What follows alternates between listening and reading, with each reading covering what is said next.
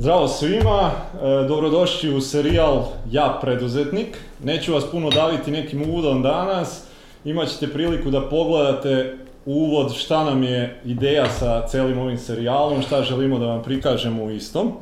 Danas imamo izvanrednog gosta. E, red bi bio da ja poželim dobrodošlicu, ali pošto smo mi njegovi gosti u njegovoj kancelariji, onda ću samo da mu se zahvalim što je odvojio vreme za nas. Naš gost danas je Nebojša Matić, direktor firme Mikroelektronika. Nebojša, još jednom hvala puno što si odvojio vreme i hvala ti što si nas ugostio u svojoj drugoj kući. Prvoj. Prvoj. U onoj drugoj samo spava. Jel? Da. Tako kad ste preduzetnik, vama je faktički firma prva kuća. Druga kuća vam je ono gde spavate, gde vam je porodica. Ovaj, ako, naravno, pročit, ako ovo čuje moja čerka, dobit ću ozbiljnu grdnju, pošto mi to često me grdi za, za tako neke stvari. A interesantno je, e, šta bi želeo recimo da kažem možda na samom početku, da je najkvalitetniji deo našeg vremena proveden u firmi. Jer vi kad se probudite ujutru i onaj deo kad ste najaktivniji, vi idete na posao. Jasno. Posle podne ili uveče dođete kući gde obično spavate više manje, pogledate možda malo TV, vikendom ste negde, odete ono, od, od prirode do nekih e, kratkih putovanja, posete prijateljima, familiji, ali glavni deo vašeg života, znači onaj najproduktivniji, najkvalitetniji je u firmi. E, I rekli ste recimo da vam se zgrada sviđa, e, pravljena je tako da bude prijatan boravak u njoj. Ako već Da. moramo da radimo, da nam ne bude neprijatno. To sam htio da kažem. Apsolutno. E, Imaće prilike e, svi posle da pogledaju malo neke kadrove iz e, zgrade i svega. Međutim, ono prvo što bih hteo da, da krenemo od, od toga je šta tvoja firma konkretno radi. Evo, mi se bavimo sa razvojnim sistemima i kompajlerima od 2001. godine. Šta je razvojni sistem? Razvojni sistem je hardverska platforma gde vi probate tu vašu ideju da li radi. Kompajler je softverska platforma u kome vi pišete taj program za taj mikrokontroler e, koji vi koristite u izradi vašeg uređaja. Drugim rečima, kao što svaki majstor ima svoj alat, tako i ljudi koji prave uređaje, evo čovek koji recimo pravi ovog miša, evo taj miš, znači taj čovek ima neki senzor za, e, kako da, evo vidite ovako kad ga, kad ga osetite, znači da ima senzor koliko ste prešli sa ovim, onda Jasno. imate ovde senzor koji e, kaže da li se pomera, pa onda imate bateriju, imate recimo prekidač i tako dalje, znači da biste napravili bilo kakav elektronski uređaj, vama treba alat. E pa te alate mi pravimo. Znači sve što vidite ovde, uključujući i mikrofon, i Go, GoPro kameru, i recimo e, daljinski za TV, za klimu, e, znači sad ste čuli za Internet of Things, znači sve se to, telefoni, sve se to pravi sa nekim alatima. Naša firma je jedna od relativno malog broja firmi u svetu koja se bavi time. Mhm. I prilično nam dobro ide. Da. E, ove sve, sve stvari koje si sad rekao su u 2018. Ono što bih ja voleo je da se vratimo u 69. jel tako? U Lajkovac, pa da polako krenemo odatle negde i da se ponovo onda vratimo na ovo mesto gde smo sad. E, ja i ti smo inače maltene komšije, ja sam rođen u Mionici, ti u Lajkovcu, pa jel bi mogao nešto da nam kažeš o, o tim prvim tvojim dečačkim danima, kako je to izgledalo uopšte tamo, školu koju si završio i onda da vidimo uopšte kako je došlo do toga da, da ti kreneš da se baviš svim ovim.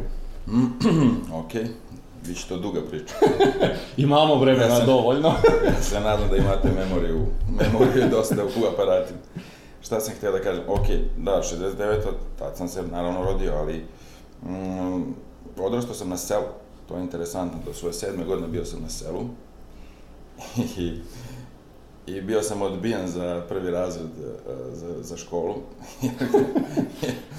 Pošto sam odrastao na selu, nisam se baš mnogo uputio ko je Tito i tako neke te stvari. Aha, okej. Pa ovaj, su me odbili, onda je moja mama se lepo izvikala nekog doktora tamo i onda su me primili u prvi razred. Tako da, bilo je sam Znači, početak škola. preko veze. da, da, bio je težak. ovaj, tako da, inače, e, osnovnu sam naravno završio u, u Lajkovcu. Onako baš lepo vreme, ovaj, ono, kuća mi je bila blizu, blizu igrališta, škola odmah kraj igrališta, tako da je bilo baš, baš onako lepo, lepo, ovaj, tih osam godina bilo baš lepo. Prve dve srednje isto završavam u Lajkovcu, onda druge dve srednje prelazim u Beograd ovde u Nikolu Teslu, gde je bilo malo onako povuci potegni, moram da priznam, ali sam se izborio. Onda upisujem fakultet u Novom Sadu i ovo je važno, napuštam fakultet, Mhm. kad mi je ostalo jedno 5-6 ispita do kraja, ovaj, osnivam firmu i posle jedno skoro desetak godina uspevam da ga završim, zahvaljujući upornosti jedne, ovaj, jednog administrativnog radnika na Fakultetu tehničkih nauka u Novom Sadu, ona se zove Gospava, i ovaj, ne samo da je mene naterala da završim fakultet, nego je naterala nas stotine, čini se. Ovaj, to je isto, isto interesantna priča, ali nekom drugom prilikom. Uglavnom, kad sam završio fakultet, ostala je firma. Tako da, eto, Reci mi, e, stvar. e, u tim nekim mlađim danima jesi imao uopšte predstavu da te preduzetništvo kao tako zanima? Jesi li se bavio, ne znam, preprodajom nekih stvari? I, e, ili uopšte to nekako dolazi vremenom kad počinješ da se interesuješ uopšte za, za, za... Pa, evo ovako, ako mislite da li sam dobio batine kad sam zapalio tepih, jesam, jesam. Ovaj, e, I sad vidim, recimo, jako sam često rastavljao stvari, sastavljao e, i interesovalo me elektronika, te zujalice i sve te stvari. Ali to sad vidim sa ovog, sa ove distance. Sa ove distance, Tad mi je to bilo onako, ono, interesantno, samo mi je bilo interesantno, ništa mi nije bilo baš sad da se ja bavim time. Inače, Da. ovaj, e, realno, kad pogledam koliko sam stvari pokvario e, u životu, nije ni čudo što, što sam sad, e, što me Bog kaznio da sad pravim stvari. Tako da ima logike neke, ima neke onako pravde. E, Reci mi, e, pored eto tog nekog dečačkog interesovanja za elektroniku, kako dolazi do toga da ti počinješ elektronikom da se baviš na taj način da od toga postaje polako neki, ajde da kažemo, posao? A, to se desilo na fakultetu. Evo ovako, znači, inflacija, znate kolika je bila, onako baš teško vreme i sećam se da sam promenio poslednjih 10 maraka. Idem sa futoške pijace, onako je kupio sam neka jaja, nešto, nešto sam kupio, nemam pojma. Uglavnom, glad je zakucala na vrata, Da. da. bukvalno. I to sam ja nekako se, u tom putu od futoške do stana se dogovorio sa sobom da ovako više ne ide. Onda sam pitao sebe, ok, šta ti znaš da radiš? Odgovor je bio poražavajući, ne znam ništa. Ne znam, ama baš ništa. I to se događa u 25. godini, recimo. okej. Ovaj, tako da ne mora da znači da preduzetnik mora da krene u 17. Ne, naravno. Znači, može, onako, može, znači, i u nekoj, nekoj drugoj godini. Ma na kraju kraja može čovjek krene i u 50. I u 60, Tako ne- ima primjera, da, jasno. Da, ništa to nije, ovaj, nego kažem, e, onda sam zaključio da ja imam fizičku snagu, znači mogu da kopam kanale, da radim nešto tako, mogu da radim na građevini. Ali ovaj, to, to me neko malo umirilo, tipa, ok, nije tako loše. Da. I onda sam počeo da razmišljam, a šta bi mogao da radim iz ove oblasti. I tad su se počeli pojavljivati mikrokontroleri. Znači, tad je bila, recimo, 50 kec je postojala, Motorola je postojala i tako dalje. I onda sam ja odlučio, e, ajde da ja to naučim i da to bude moj zanat. Znači, i dalje nisam ja sad imao neku predstavu o firmi. Iako sad opet sa ove distance kad pogledam, nemoguće da nisam imao jer sam sistematično stvari radio. Jasno. E, I onda sam ovaj, u srednje inflacije pozajmio 1000 švajcarskih franaka, kad je plata bila 5 maraka. I kad pogleda čovek, to je onako baš sulud po. Da, da. Znači, to je, to je s moje strane sulud potez, a tek onaj koji mi je dao pare, tek on je normalan. Ovaj, to je bio moj cimer, cimer petljanski, ovaj, I eto, znači onda smo kupili ovaj, prve komponente od, eh, od firme Birklen iz Nemačke, onda smo to sastavljali, sastavljali, sastavljali i realno to je proradilo, Mhm. a ni danas danju mi nije jasno kako je to proradilo. Bio je jedan, jedan profesor u srednjoj školi, neki Bunčić, ovaj, koji nam je održao, ovaj, baš i meni i Cimeru, neko to predavanje prvo, inicijalno, dva, tri sata, kako to sve radi. Mhm. Onako, ti kad si na fakultetu, ti nemaš taj osjećaj u prstima, to nemaš tako, nije tu bilo iskreno ni puno ni računara, a kamoli sad mikrokontrolera. Da, da, da. Ovaj, to je doba BBS-a, znači to je, doba nema interneta, to je, znači ako nemate papir, papir, uh, papirni katalog, nema ništa. Da, to mi, je, to mi je posebno bitno da naglasimo, znači to su 90.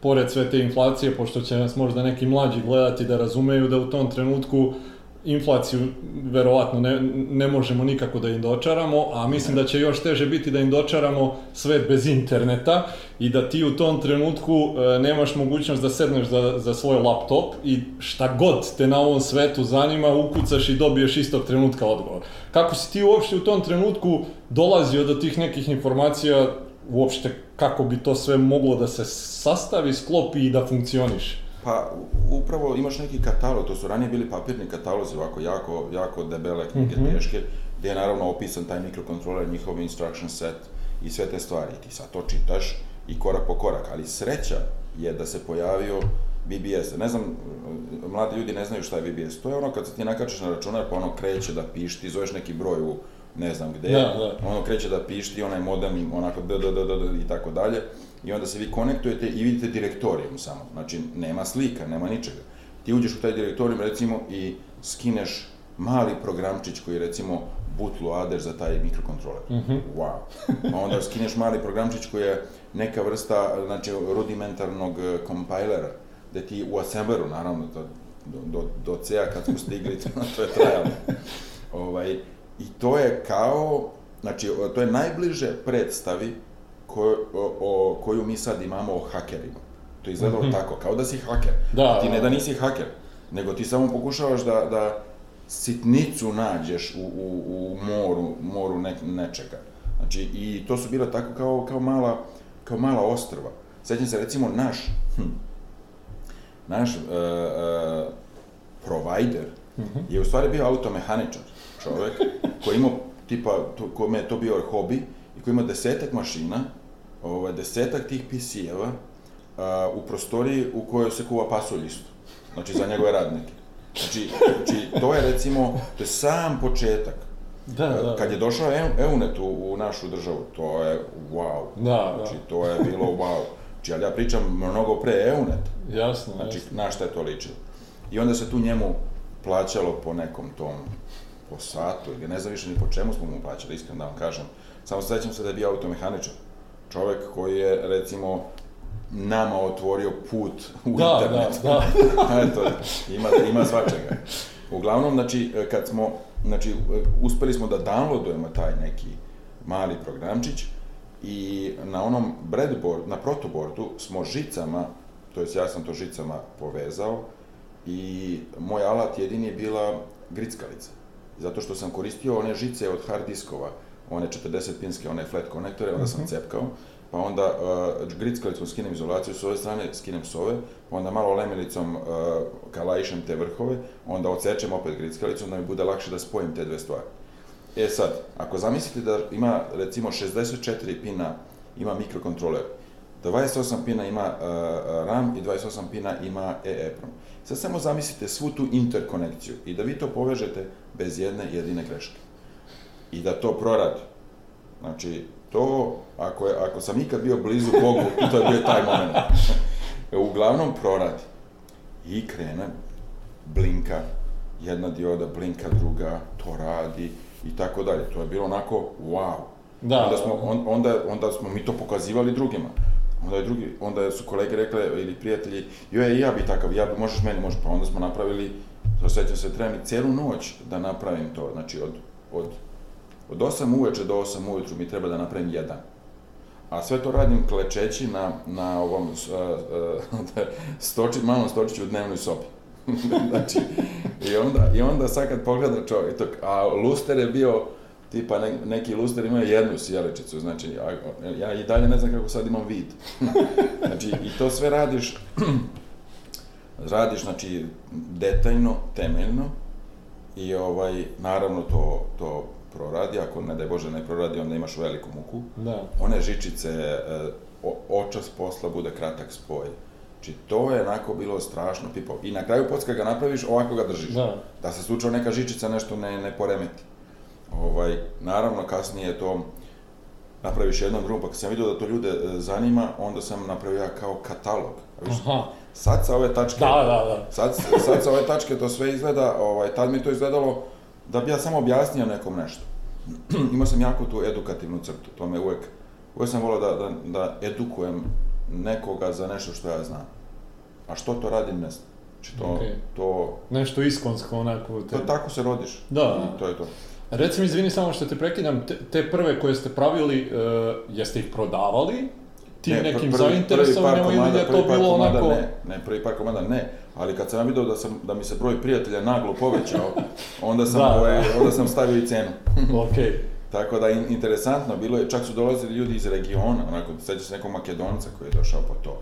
Nema toga, znači to je redko, onako... Mhm. To se sve dešava u Novom Sadu, je tako i dalje? Da, ili... da. Okej. Da, i to je, to pri, mislim da sam ja 97.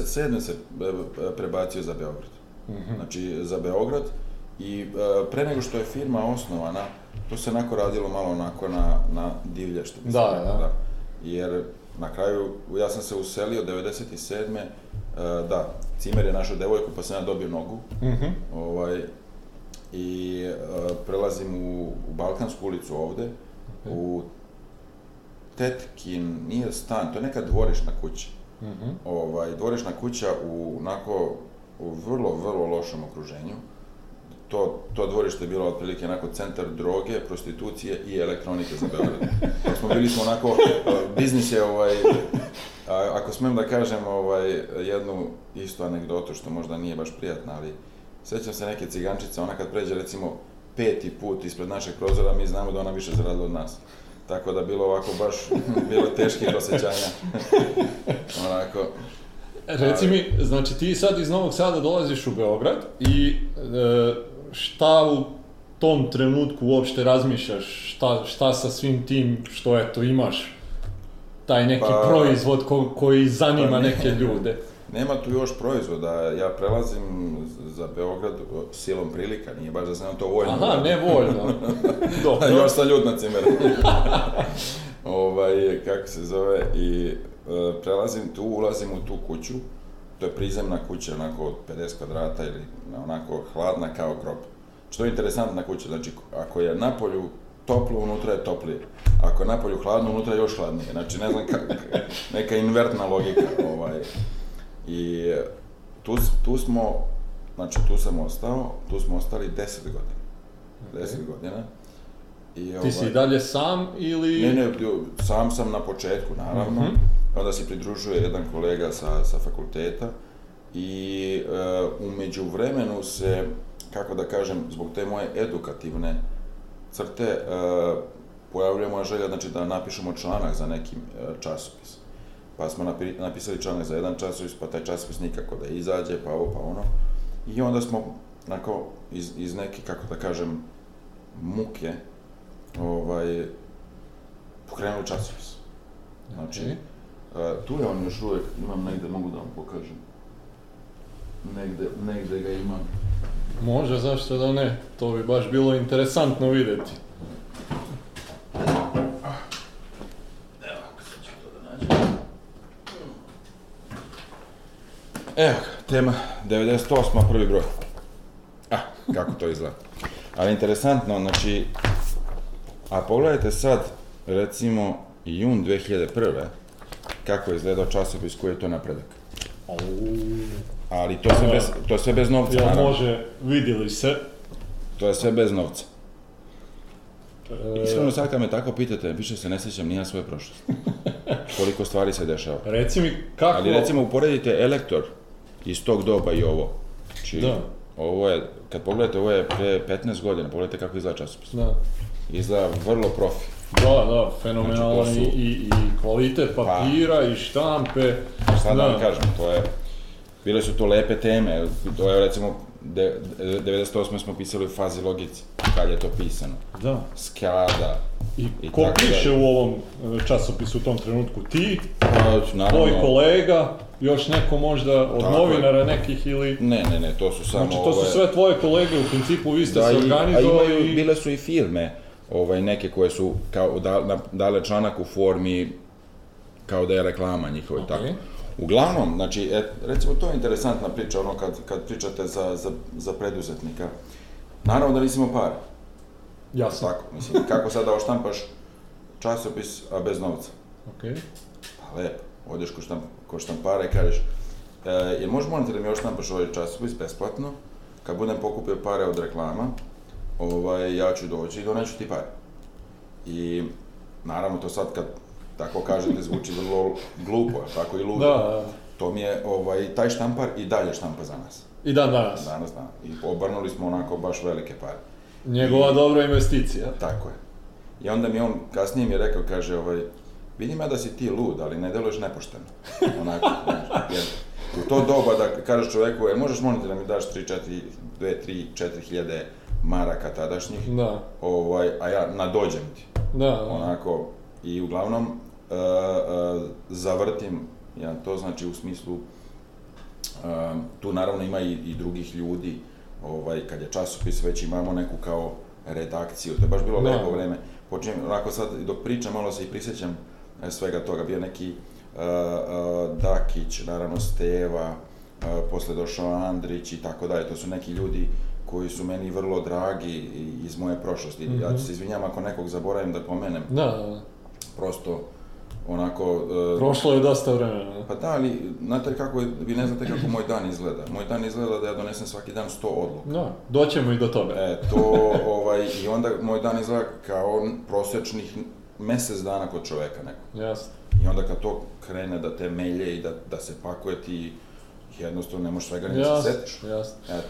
I- Uglavnom časopis je za, za sve ove e, preduzetnike buduće, časopis je, e, je em, biznis sa najvećim uticajem, a sa najmanje para. Znači, to je, to je interesantna stvar. I onda su, kroz taj časopis su se počeli pojavljivati budući saradnici. Mhm. Seća se, znači, e, braća Brčić, recimo, pa bili su tu, da kažemo, opet neki drugi ljudi, koje sad opet ne mogu ni da se setim svih. I uglavnom, to kreće polako da se, da se, ovaj, da se vrti. I naravno, kad imaš časopis, onda ti treba, kako da kažem, više čitalaca. I recimo, naš, naš najveći tiraž je bio 2000. Mhm. 2000 u, u to doba uopšte nije bilo tako baš ni malo. Da. Ali Pogotovo je- na da. specifičnost Da, samo ali je, ovaj, materije, da. Ali sam recimo išao da bi bio jeftini časopis, išao sam u štampariju da klamujem, da obrezujem, da nosim, inače sam nosio u rukama časopise, e, iz Pančeva smo e, vozom nosili i nosim tako časopis, onda odnesem u radio klub, odnesem tamo, odnesem vamo. Ovaj, ti preduzetnički, preduzetnički poce, počeci su uvek takvi. Da. Uvek se nosi i ide se peške. Da. Sećaš Meni je dobro, jedna, izvini što te prekidam, jedna od, od zamisli zašto sve ovo radimo je da e, i oni koji možda kreću i oni koji su već u poslu shvate da, da stvari tako funkcioniš na početku svima, bez obzira što ti Uf. sad imaš sve ovo što imaš, da si jednog trenutka klamovao, nosio Ovo- časopise u vozu, u rukama. je- da, da. Svašta je, mogu, mogu ti reći, baš je sva- svega bilo. Sećam se da, da sam se sa našim prijateljima Romima otimao za kartonske kutije iz kontejnera u C-marketu. Jer nemam u, čemu da. Da. pošaljem kad nemam kutiju. Znači nema, kartonska kutija recimo nekad bila pojam. Znači Da. za mene. Ono, Da. uz dužno poštovanje, znači sad ti kartonski naravno kutije imaš koliko hoćeš, naše su i tako dalje. Tad mi je bilo, ne mogu da e, pošaljem nikom ništa ako nemam kartonsku kutiju. Znači, biznis mi stane jer nemam kutiju. Mhm. A ne može niko da mi napravi kutiju jer ja nemam novca za to. Da. Znači, ima tko da napravi. I onda kradeš te iza C marketa po kontejnerima, uzimaš to. Onda, naravno, ako naiđu ovi sa motorićem pre tebe, onda nema je malo i to nezgodno. I onda sad kad čujem tako, recimo, neke ovaj, poteškoće, Da, da, da. kad... Reci mi, e, s- e, s- znači časopis kreće onako da, da ima ovaj... Pa nije on stigao, on je stigao možda sedmog, osmog broja, tu negdje Ok, recimo. nebitno, ali znači u jednom trenutku vi e, sa, sa časopisom imate neki tiraž i sve, šta se dešava sa proizvodima ovamo, jel e, neka potražnja za samim proizvodom Pa evo, zbog evo. časopisa kreće da... Pa, e, tad, tad još uvek nije bilo proizvoda tog tipa, koje, da je sad proizvod. Mhm. To se, oni se tek pomaljaju, prvi, mali, e, neka motorolica za 68 HC11 E2 i tako dalje. To, Mhm. kad, kad ti kažeš proizvodi, to je bio jedan proizvod. Da, da. proizvod. e, I onda recimo, pošto smo zavrteli taj časopis, ide to teško, onako baš, baš teško. Kao na svakom da, početku. Da, da. Ovo je bila je tu firma iz Novog Sada, Kod Elektronik, pokojni Milorad isto, ovaj, u toj, u toj, mislim da se ne, njegove reklame, evo, to je, to je recimo njegova reklama, i tako dalje. Ovaj, puno tu ima tih nekih ljudi i puno neke dobre volje. E, to je interesantno, recimo, priča o mikroelektronici je priča o ljudima dobre volje. Ja gde god da sam, gde god da sam došao, naišao i ostalo, uvek sam sretao dobru volju. Uh Mhm. -huh. i tu pozitivnu energiju. Uh -huh. Ali ja to sad, zbog mene što sam ja tako širio, pa takav sam respons i To sam teo da te pitam, ali mislim da ima is- veze sa tim. Mada ja mislim, i ovako sad sa ove vremenske distance, stvarno su ljudi hteli da mi uspemo. Mhm. Iskreno, iskreno sad. Što je vrlo protivno mišljenju da, se, da u Srbiji recimo ljudi Da. e, žele da ne uspeš. Evo, moj primjer je, evo do dana današnjeg, da koga god da sam sreo, bez obzira da li je iz državnog aparata ili iz privatnog ili prijateljski ili ne znam ja šta, svi su hteli da mi uspemo. Vrlo interesantno. Da. Sad sam baš imao tu par nekih isto ovaj, razgovora i ostalo. Uglavnom, da, da se vratimo na temu, kad imaš časopis, šta ti treba? Pa čitalaca. I sad ti štampaš taj časopis, imaju neke teme, i sad oni pitaju, pa ok, a gde ja da naučim to? I tako sam ja u, mislim, dvoje, svoje 26. 27. Na, napisao prvu knjigu. Okej. Ovaj, iz čista je, onako, ničim izazvan. Evo je. Ovaj, to je, Inače, ovaj, o, imam anegdotu, imam jako puno anegdota, interesantno, sad kad me tako, Rado bi Kada- da ih čujem. e, pa kad me tako sad e, nešto, ovaj, a, a, Jel vidimo E. ovu? pa evo vidiš, imaš pozadi sliku, ovaj, kakav sam. e, O, e, mlađani Nebojša. Verzija sa kosom. ovaj, I recimo tu knjigu sam napisao za nekih, ne znam, možda za 10, 20 noći. Znači, pošto sam danju radio. Knjiga inače ima 270 strana. Da, ali je, šta je interesantno sa, sa, sa, sa, sa tom knjigom? Pošto nismo, da, tad se počeo, već počeli pojavljivati, ovaj, naravno, internet, website i ostalo. Mi smo naš website radili u sred bombardovanja, iskreno da vam kažem. Mhm. E, a recimo, to gde smo radili bilo u Admiralu Geprata ulici, što je naravno onaj headquarter vojni je tu. Da, da. Tako da, ono, ništa, kad naiđe onaj tomahawk, samo malo slegneš ramenima i nastavljaš da kodiraš. Da, da. E, ovaj, jer šta drugo na kraju krajeva, drugog izbora nije ni bilo. I uglavnom, znači, šta se desilo sa tom knjigom? Pošto nije još e-commerce postojao, Mhm. a i pro, ja moram da, ovaj, da, da, da toliko se prisetim tih stvari svog života. Nije postojao e-commerce, tako je, ali je mogo se da imaš website. I pošto nismo mogli da prodajemo tu knjigu, mi smo je stavili kao besplatnu knjigu na website Mhm. besplatno. I ima dve anegdote za tu knjigu. Prva je da se javio neki čovjek iz Australije ovaj, i rekao da nam engleski nije baš najbolji. Što je tačno, nije mi ni A danas. ti si knjigu i na engleskom uradio ili... Da, da, da. Ovo je, ovo je na srpskom. Ovo je na srpskom, da. da. Ali smo naravno preveli Aha, na engleski da okej. bi privukli što više tih Jasno. e, čitalaca, e, kupaca ili šta već. Dalje već postoji neki obris, obris e, web sajta, liči to na nešto Mhm. i tako. Mada to sad kad pogledam sa ove distance, Pa dobro. jao, jao. ovaj, sećam se, to je baš se Dakić bavio sa, sa, sa tim. E, I e, radimo, znači mi to, i taj čovjek se pojavi i e, onako, kaže nam da nam engleski nije dovoljno dobar, on hoće da nam to e, popravi, rekao, be my guest, slobodno, molim te, ono, nikakav problem. Uglavnom, reč po reč, sa tim čovjekom mi uđemo, to jest ja uđem u priču, inače, vrlo često ćete čuti da kažem mi, pošto ja sebe smatram organskim delom ove firme. Okej. Tako da, da sa, e, mogu recimo o sebi da pričam u množini.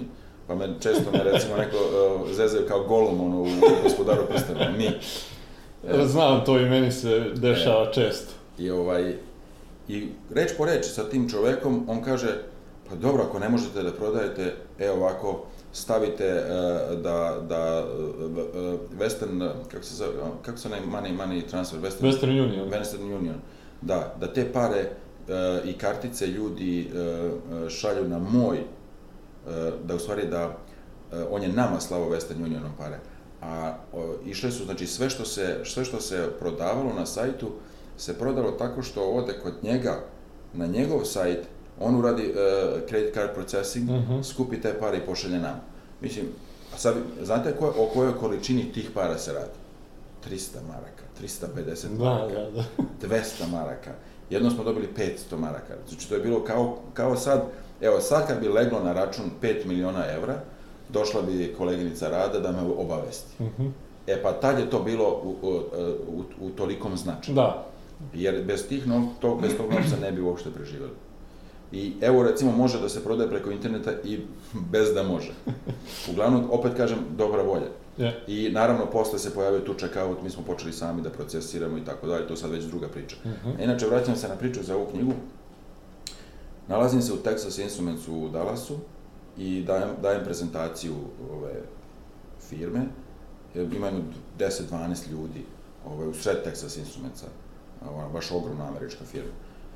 I pričam ja sad tu šta, tako, i, i ustane jedna kineski. I kaže, sad vas se sećam, mi smo učili iz vaše knjige. da li je moguće? Pa da, znači oni su na kineskom fakultetu učili iz naše knjige i opet kažem, ne zato što je to najbolja knjiga na svetu, nego je bila prva besplatna. Da. I verovatno je najčitanija knjiga na svetu što se ti za njih kontroleri. Opet, ne, ne zato što je, sam ja to napisao da, da valja, nego bilo prva besplatna. Da, da, da. E. I da, i, Izvini što te prekidam, kako je ova knjiga odštampana? Isto pretpostavljam kod, kod e, tog štampara. Tako je, znači ta knjiga je štampana, e, sećam se da je bio sajam i a, a, ljudi su čekali da kupe tu knjigu.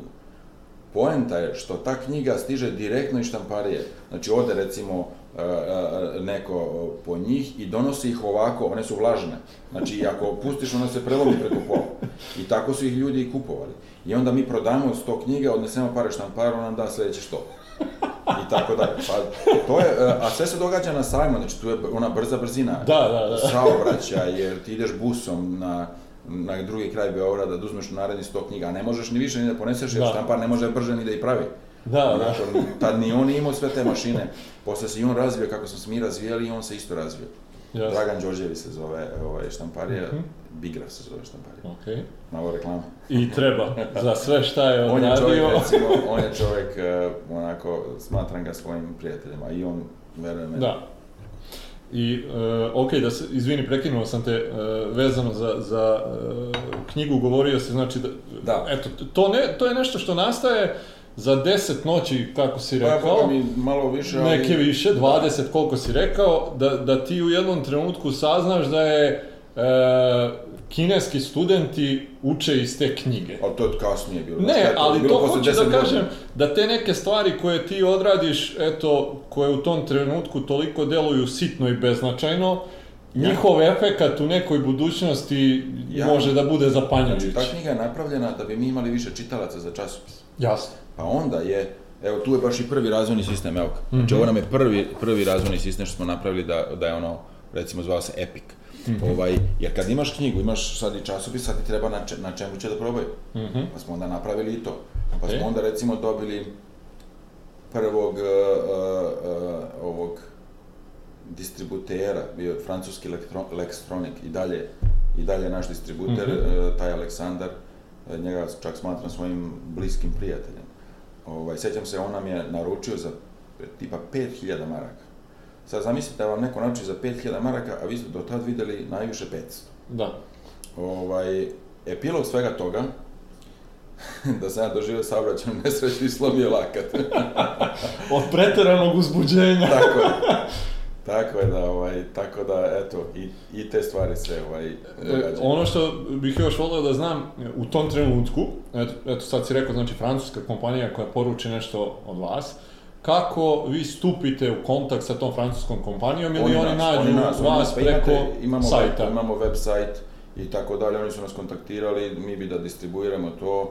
Mhm. Naravno, pa rekao, koliko ko hoćete komada, tipa 100 komada, dobro, šta još, bla, bla, bla, uglavnom skupi se 5000 evra račun, maraka tadašnjih, legnu te pare na račun. Mi svi u šoku. Nije šala. U šoku. Da, da. u šoku. Jedva smo čoveku isporučili. Znači, a, bio je jako strpljiv s nama. Kako da isporučimo nešto što nemamo? Mi, nemamo, mi moramo da te pare prvo naručimo delove, pa da to, a to se sve ručno, ja sam to le- lemio ručno noću. I čekaj, ti u tom trenutku, e, ti to sve sam praviš ili ima još neko sa tobom ko, Pa ko nije, pomaže? ti, ti što su lemili nije bilo, to sam sve ja. ovaj, tad, već, tad već u tom momentu je bilo i bombardovanje i svašta i zamire časopis. Ne mogu više da ga zavrtim ponovo Mhm. i okrećemo se na knjige i na ove razvojne sisteme. Okej. Znači okrećemo se sad kod tome Da. i, i časopis... Prilagođavate se Časopis uslovima. jednostavno nestaje. Mhm. Bukvalno i ja što vidite i danas danju ovaj, se prisetim tako da nije ovi, e, ovo je kao da, ovo mi je kao, kao, kao da sam živio jedan lifetime totalno drugi. Da, da. Znači, skroz mogu tako neke svoje ž, delove života da, onako. recimo onaj novosadski deo kao da je drugi čovjek živeo. Onda ovaj, ovaj deo sa časopisom kao da je drugi čovjek živeo. Onda ovaj sad deo koji i danas danju živi, Da. to su razvojni sistemi, knjige, kompajleri, to je sadašnji ovaj, Mhm. ovaj deo. Uglavnom, znači, e, kažem, zamire časopis i okrećemo se polako, znači knjige, razvojni, pa sam, onda još dve knjige sam čini mi se napisao, ne mogu da se setim. Mhm. ovaj, e, Isto u tom nekom periodu ili to da, da, dolazi da, malo da, kasnije? Pa, bavimo se da, knjigama, da, da. Ali sad, recimo, sad kad gledam kako sam to uradio, nemam pojma. Znači, fascinantno. Znači, čak sam pisao i o PLC kontrolerima, to je isto negde, evo ga. Evo, što je. Ovaj, da, ovo je o PLC kontrolerima. Znači, samo pogledajte broj crteža. Znači, ovo je, znači, evo, ne, evo, ako nemam pojma kako je urađeno. o, majke. I to je isto taj neki period, znači Da. ili dolazi malo kasnije, isto taj. Da, to je period kada zamire časopis, Mhm. znači zamire časopis i pojavljuje se u pravom smislu te reči firma. Znači onako, Okej. e, firma koja je ono, registrovana, uređena i tako dalje, sve što treba da, da ima.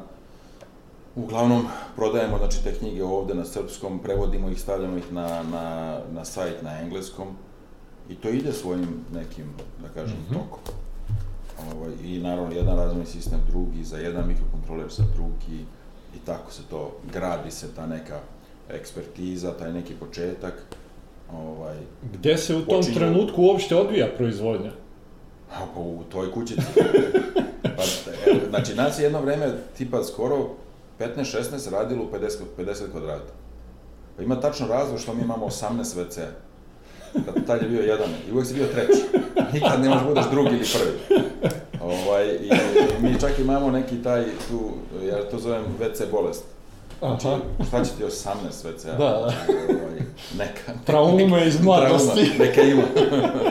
Tako da, ovaj, kad, kad smo pravili zgradu, kad je ovaj vodovodeđija rekao, kaže, ovo je moj najbolji projekat, ovi, ovi vole da, bilo je, bilo je svega. Uglavnom, u- još uvijek smo mi u Balkanskoj. Okej. I lemi se ručno. Znači, prvo je ovaj, e, e, e, brat od moje žene počeo da lemi umesto, umesto mene, Mhm. pa onda on doveo svog kuma, Mhm. pa njegov kum svog prijatelja, Aha. pa su njih trojica lemili u prostoriji, pa četvrtina ove prostorije. Mhm. Ovaj, i, znači, to je onako baš ludo vreme. To je tačno ono, znači, to vreme je e, toliko naporno, ali toliko smejanja je Da. bilo da je, da je bilo strašno. I sećam se recimo, znači oni non stop, znači mi treba recimo da radimo od, tad, tad smo radili od 10. Ovaj, I mi radimo od 10, oni dođu na posao u 1. I svaki put ih izgradim, svaki dan. I svaki dan dođu u jedan. Znači, ne, i to godinama traje. Znači, ne traje to dva dana. Znači, jer oni su onako mladi ljudi, to je ludilo bilo, bilo tu i oni su uh, lemili, ovaj, dobili su novac za koliko god ih zaleme. To je bilo onako sasvim fino novca za to, za to vreme. Mhm. Gde oni odmah u grad i Da, i tako da. I onda sam jedno vreme pokušao da ih ucenim tako da im ne dajem, e, e, recimo, pare u petak, nego u nedelju. Oni pozajme u petak i vrate u nedelju od nekoga. Mislim, i ne možeš im ništa. Evo, recimo, je bukvalno ništa. I uglavnom, znači, njih trojica leme, svako zalemi, recimo, 10 sistema dnevno. To ispade 30, Mhm. ali nije bilo dovoljno da, i da. tako dalje.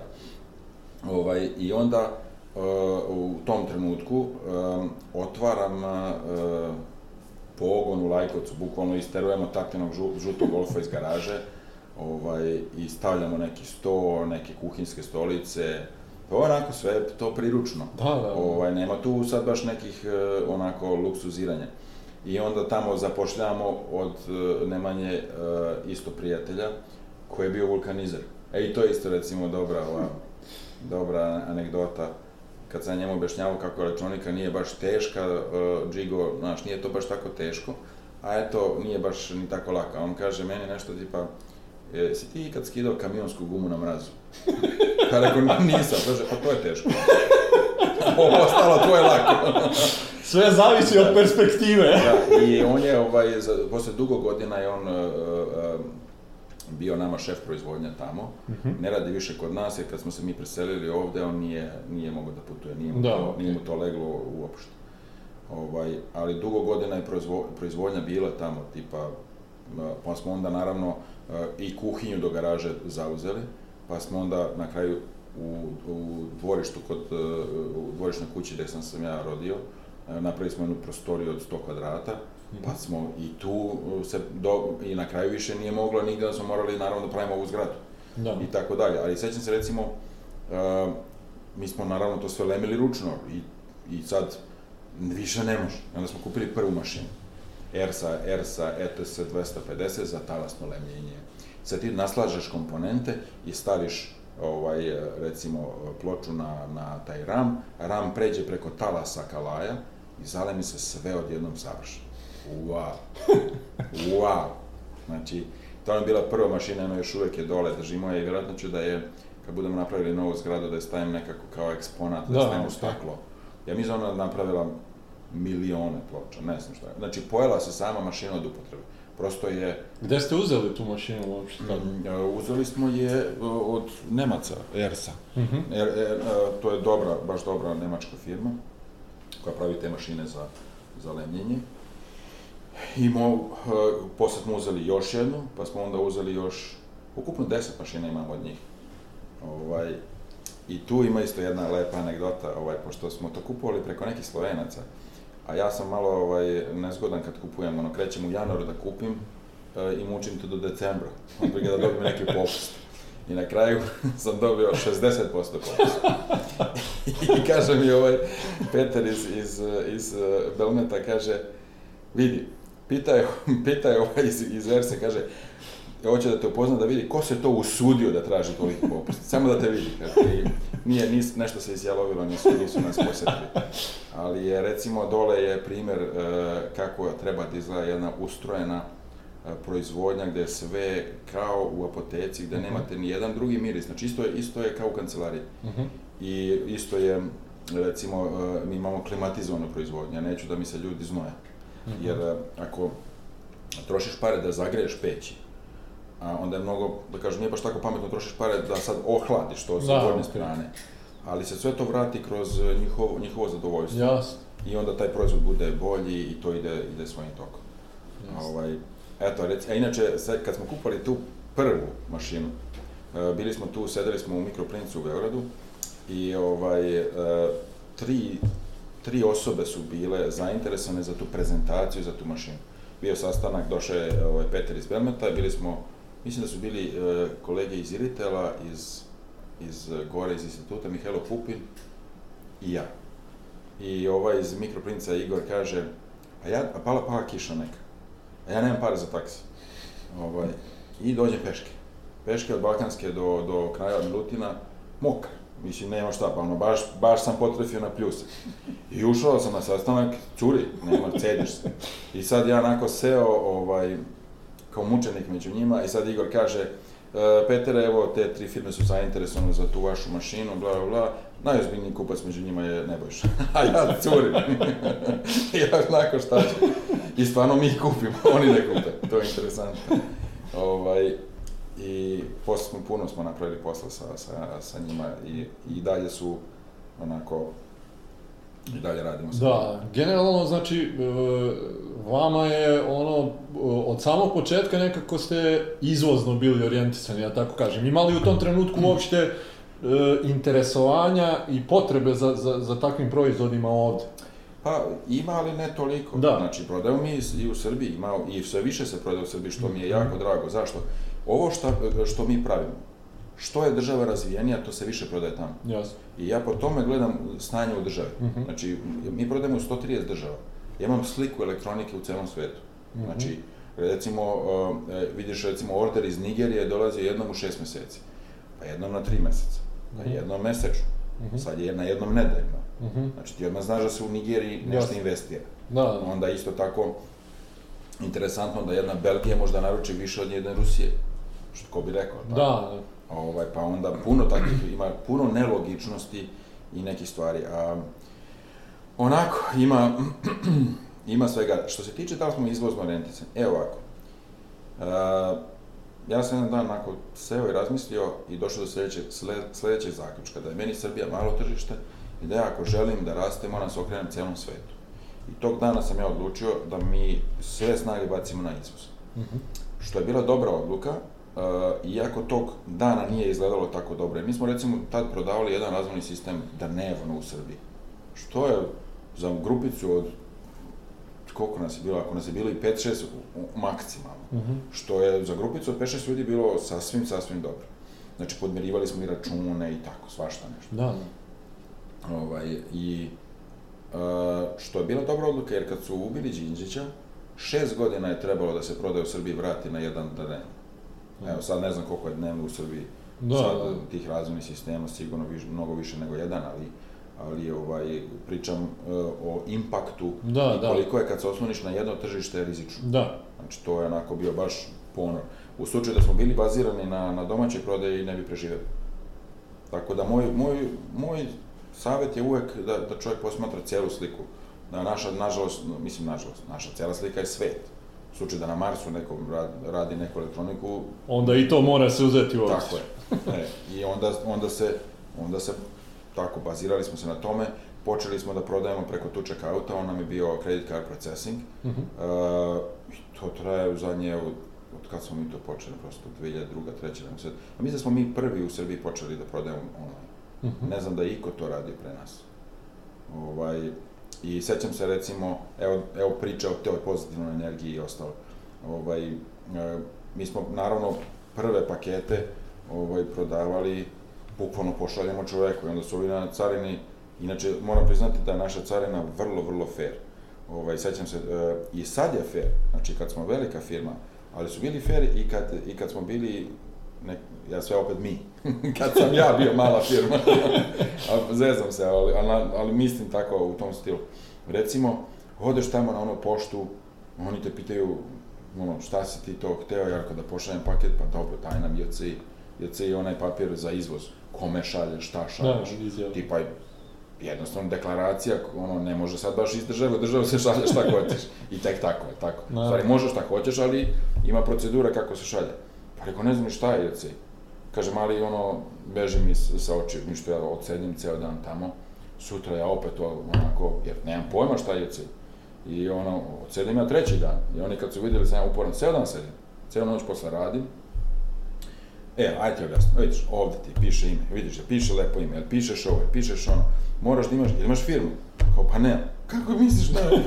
pa rekao, ajde vidi ovako, znači, ajde, pustit ćemo ti prvi 10 paketa, ali, ono, da, da rešiš firmu. Uglavnom, mislim, tad se prodavalo jedan paket nedeljno, znači, nije to ono na dnevnom nešto nivou. Da, da.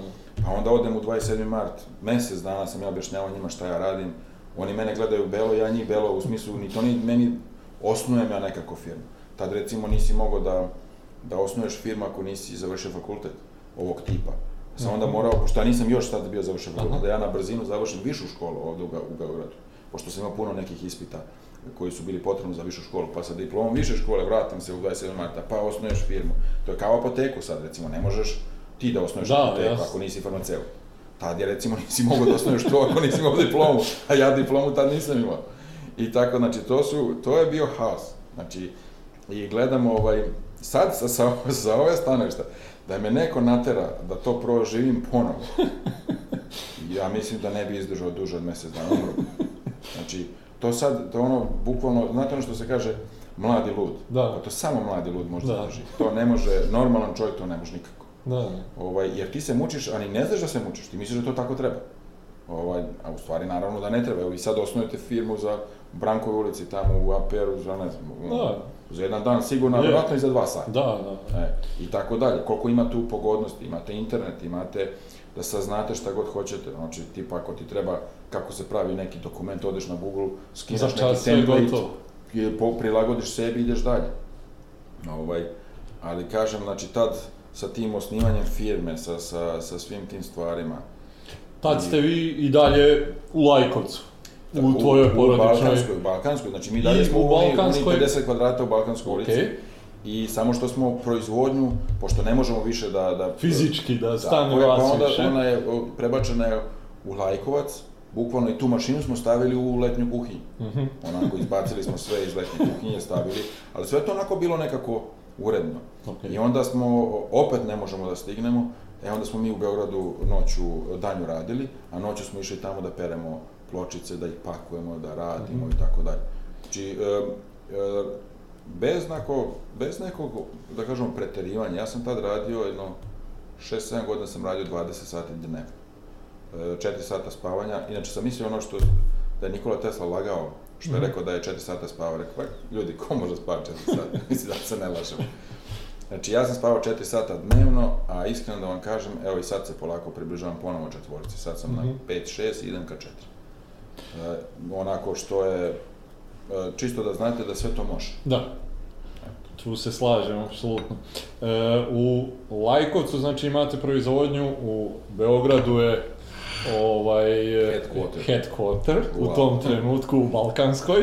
Ovaj, e, kako ti u tom trenutku uopšte i da li razmišljaš o nekim e, većim planovima, šta, i, i šta se u tom trenutku uopšte sve vrti po tvojoj glavi i kako uopšte ti organizuješ da sve to funkcioniše, na, da, da, da uopšte možete da proizvodite, da možete da prodate. Koliko vas ima uopšte u tom trenutku u Beogradu i, i, i Lajkovcu zajedno? Pa, Evo, ako sve zavisi, znači, onako kreće, dodaju se ljudi jedan po jedan.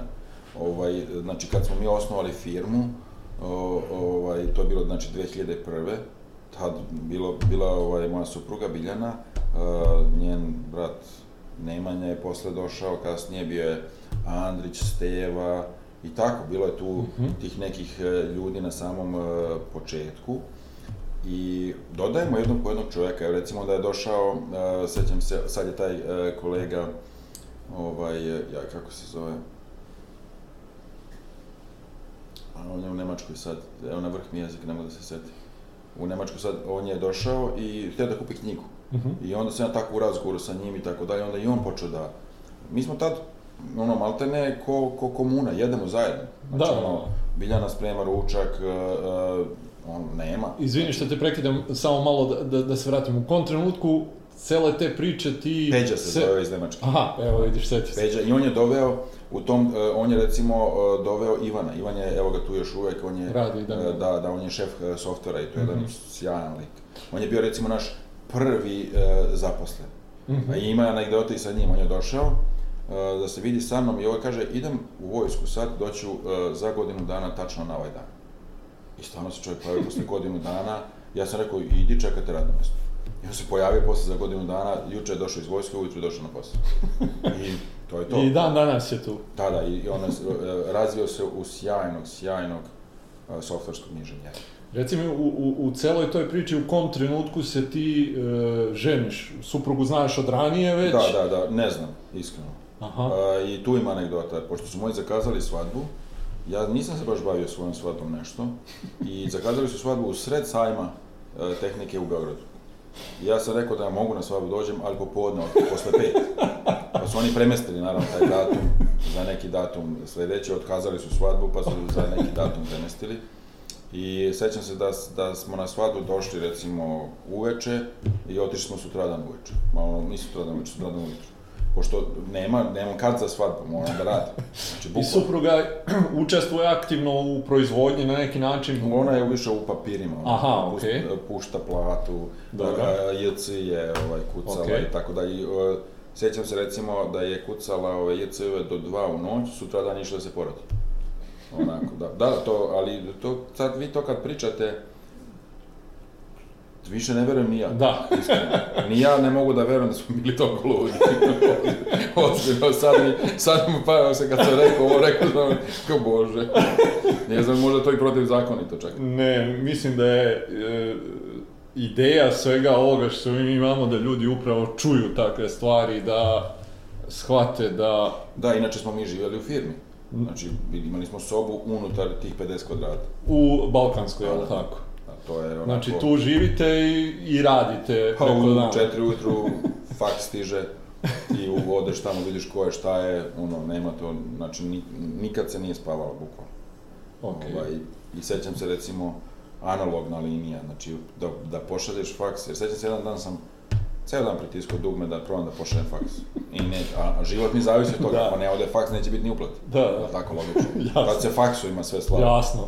Ovaj, je, uglavnom, znači, onako, ta balkanska je o, ostala u sećanju kao nešto što je tako teško, a opet na neki način sjajno. Da. Znači, tu se oformio i hardware odeljenje, software odeljenje, znači tu smo mi već imali i neko, neko knjigovodstvo Mhm. i tako dalje. Sećam se, ovaj, evo i sad recimo često čujete neko u Srbiji ne nešto protiv poreskih organa. Znači, mi smo imali poresku inspekciju za ovo svo vremeno 50 puta. Znači, ne znam, imamo 30 puta, dva, nemam, puno puta. Da. Znači, svaki put su ljudi bili vrhunski, znači, korektni, e, u smislu profesionalno. Dođe čovjek i kaže, najavljujem vam inspekciju za sutra ili za prekustra, da li se vi slažete, slažem se, hoćete potpišete, hoću da potpišete, neću i tako dalje. Onda oni dođu, pogledaju vam, znači, e, i, i vrlo su dobronamerni. Ako ste napravili neku grešku, e, ovo se ne radi ovako, nego ovako. Šta oni jednostavno, oni kad vide da postoji namera da vi prevarite državu, onda su nezgodni. Da. Ali ako vidi, ako vidi da je ta greška recimo nastala iz neznanja, on, niko te ne kazni, oni ti kažu, ej, imaš rok da to da, ispraviš, ispraviš tako i to je to. i to je to. E, uglavnom, tad se sećam nekog poreznika, ovaj, on je dolazio kod nas i pošto očigledno smo bili kao bede, što bi se rekao među našem narodu, on je samo pitao, a što vi nemate decu? Ko, kad ćete praviti decu? I svo vremena se pitao o deci čovjek. I to je bilo vrlo interesantno. Znači, dođe ti poreski inspektor i ispitujete što, šta je s decom. ovaj, I sad, sad se ovaj, vidimo poneki put ovako slučajno ili, ili, ili negde u gradu i tako. Inter, baš bio divan čovjek. Da. Recimo. Reci mi u svom tom ovaj procesu samog početka stvaranja, jel ti padalo nekad na pamet da, da odustaneš? Nikad. Okej. Ne da mi nije palo na pamet. Znači, eh, evo ovako, mark my words. Znači, Mhm. ja današnji dan smatram početkom svog preduzetništva. Znači, svaki dan mi je početak.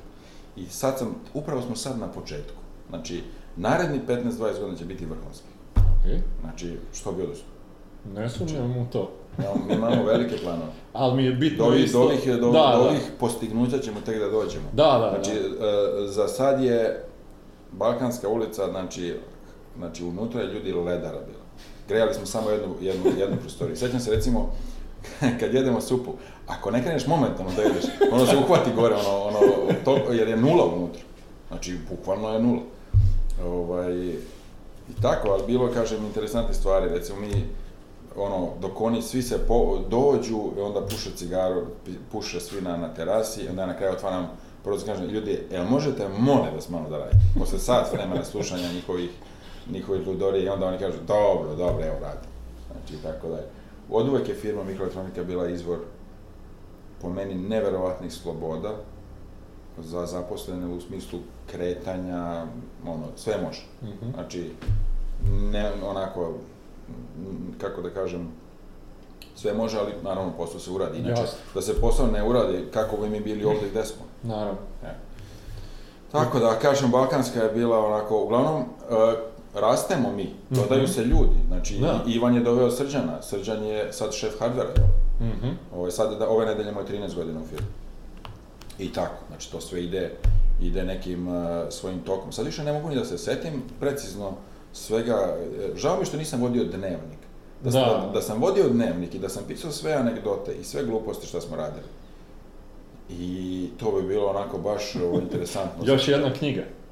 Pa da, ali ne, ovako sad, sad nisam se ovog skoro, skoro ni, ni prisjećao da, da mene ti sad ne pitaš, ja ne bi se onako, Da, sad da, da. prisjećam se Da, nakon da, da. svega, ne mogu, žao mi baš ako ne pomenem neke ljude, ovaj, ne zato što, što, nego malo se zaboravi. Da, da. se zaboravi. Dobro, e, i vreme prolazi, a i opet doćemo do tog dela gde, gde se i obaveze neke uvećavaju. Kako ti, e, recimo, u tom periodu firma raste, e, kako ti učiš neke nove stvari? Ha, evo ovako, znači ja sam onako zaključio da kad čovjek piše neku knjigu, recimo o organizaciji ili o nečemu, to obično pisao Amerikanac za Amerikanci. Jasno. I nije primenljivo kod nas. Znači, malo, malo pre smo pričali, Da. znaš, u Americi je posao privilegija, u Srbiji je posao problem. Ono, moram na posao, muče Da, me na da. poslu, posao mi je loš, ono, Da radim odradim puno, to. radim malo, stalno mu je posao neki problem. U Americi je to privilegija, bez toga vi nemate social number, bez toga ste on, na ulici, maltene. E, I onda šta god i kako god da radimo, ne vredi. Jer recimo imate u engleskom jeziku imate um, responsibility and, and accountability. E, Kako da prevedeš accountability na srpski? Nema ga. Da, te, Nema ga. Znači, ja sam najviše uspio da prevedem lična odgovornost. Odgo- da, Ali onda ne. ispade, e, ako je odgovornost, što onda kažemo lična odgovornost? Da, Znači, jesi odgovoran ili nisi? E, a taj accountability, to znači, ja stvarno verujem da ćeš ti to da uradiš bez obzira na sve. A to kod nas nije baš tako. da, Ovako. E sad, uglavnom, kako se uči organizacija? Na teži način, iskreno. Baš na teži način. A, primjerima a, koji me koštaju i udarcima glavom u zid.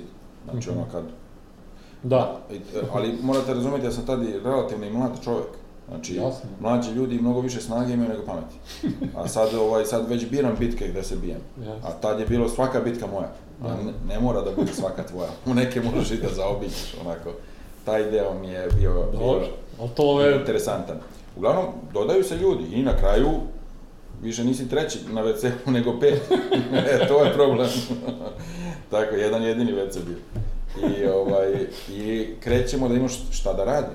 Pojavljuju se neke priče da će taj deo da se nešto kao ruši, da će se graditi neka zgrada, ovo ono. Znači, ja u panici sad, iz, iz kako da kažem, moram sad da, da se selim negde, gdje da se selim. I otprilike tu nekako nabasam na nek, nekog čoveka što pravi ove zgrade u Sarajevskoj ulici. I od njega, eh, evo opet dobre volje, i od njega ovaj, kupim jedan stan i kupim neki poslovni prostor, ali kupim stan na kredit. Recimo, sećam se, rata je bila da li 17%. Ova, eh, kamata je bila 17%. To su eh, to su stanovi koji su, eh, ono, početak eh, ulaska banaka, to je Raiffeisen bank. Mhm. Po- početak ulaska, ulaska banaka u Srbiji. Znači, je kupimo tog čovjeka taj jedan stan, a ostali, ovaj, em, e, kako se zove, poslovni prostor mi da na reč. Ono, da ću da mu isplatim u ratama kad budemo, uglavnom, uspijem ja to da isplatim na vreme, zakasnim nedelju dana. Ovaj, I on, ka, ja kad rekao, izvinite, ovaj, e, direktor što sam zakasnio, kaže, he, moj, ne možeš ga bi svi kasnili kod ti. kaže da je meni kraj bio. da, da, Ali lepo smo se dogovorili, za dve godine, za dve godine. Ali to je, znači, to je takva kontrola troškova, to je tako teško skupljanje para, da, da sad, ja, ja stvarno, evo, opet moram da kažem, ja stvarno ne znam kako se to radi. da, Znači, fascinantno. Ovaj, uglavnom, useljavamo se u, recimo, 350 kvadrata u odnosu na balkansku prelepog prostora. I sad je taj prostor uh, onako lep i sve onako, znači one lepe pločice, lepa vrata, lepe kancelarije. Mi svi u šoku. Znači, sećam se da sam ja 30 noći proveo hodajući tim poslovnim prostorom. Pipajući svaki zid, svaki Da. gelender, sve to je, jer prosto ne, nisam, i posle 30. noći nisam mogao nikako da, da se uverim da smo mi tu sad, da, iskreno, znači, uh, sad i, i to kad po- pomislim, kao da sam, ono, lud, znači, prosto ne možeš da veruješ, ne gledamo na vrata kako su bila lepa, kako je, jer ti znaš odakle si došao na vrata, otprilike su dva prsta, uh, ima lufta kad se zatvore, kad su otvorene, ovaj, i naravno imali smo četiri WC. Dobro, bože moj. Da, četiri, da. Četiri pa osamnaest. Nije to ovaj loše, bojim se u sljedećoj zgradi ako budemo 100 WC-a, treba će da, da, da idem kod doktora da me pregleda. Znači, valjda će me neko sprečiti sa tim WC-ima. Ovaj, I tako, znači, se, uselimo se tu, e, tom trenutku sam a, napravio organizaciju e, šefovsku, znači što je, proglasio sam šefove, oni su dobili svoje odgovornosti, ja sam postao direktor. Dobro. Onda- To sad već ima oblik neke Da, da, firme. već firme, da. Da. i mi, mi u tom prostoru, ovaj, proizvodnja je i dalje u, u Lajkovcu. Lajkovcu.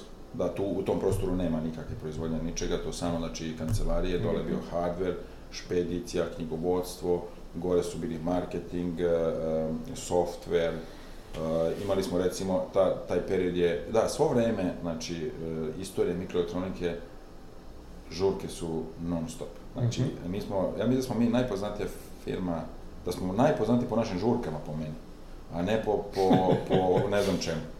I, I danas danju vidjet ćete dole neke ovaj, slike sa nekih partija. Mhm. Sad smo bili na raftingu, prve večeri se ne sjećam, a druge se sjećam.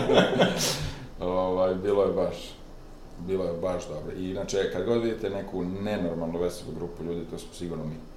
Jer ovaj, i gledam koliko se razlikuje, eh, razlikuju ljudi iz mikroelektronike, gdje god ih vidite. Znači, mi imamo taj sjaj u očima. Znači, eh, taj sjaj da mi napredujemo, da mi radimo. Ja baš pričam eh, svima u firmi da je značaj mikroelektronike da nas je provela kroz krizu unutar naše države, ono, Slobodan Milošević na teška vremena, Da, pa, pa nas je provela kroz svetsku krizu, da. konstantnim rastom. Znači, mi smo konstantno rasli šta god da je bilo oko nas. Mhm. I to nas je bukvalno sačuvalo. Znači, ljudi su mogli da prave decu, jer nema potrebe da razmišljaš da će firma postojati. Ne da, ne, ne da će postojati, nego može samo da bude, ja se uvijek zezam, ovaj, ne može gore od ovoga, može samo bolje. ovaj, svo vreme smo mogli da razvijamo iz sebe i firmu i porodice da pravimo zahvaljujući uh, ovoj firmi. I to je faktički najveća vrednost ove firme. Da. A, jer e, proizvodi su proizvodi. Znači, ono, to je jedna stvar. Ali č, č- filozofija koja je u ovoj firmi je, e, ono, moraš da, da živiš, moraš da napreduješ. Znači, mora, znači ne može da ne živiš, ne možeš sad da ne izađeš nikad, da ne ideš u kafanu, da ne, ono, moraš. Znači, mislim, moraš. Mislim, nije moraš, naravno, nego ono, onako i vrlo, vrlo smo često po kafanama. Da. Znači, vrlo često smo, recimo, ono, u Višegradskoj su bile žurke, wow. Ali wow. Sećam se, recimo, taj deo da su žurke bio malo niži.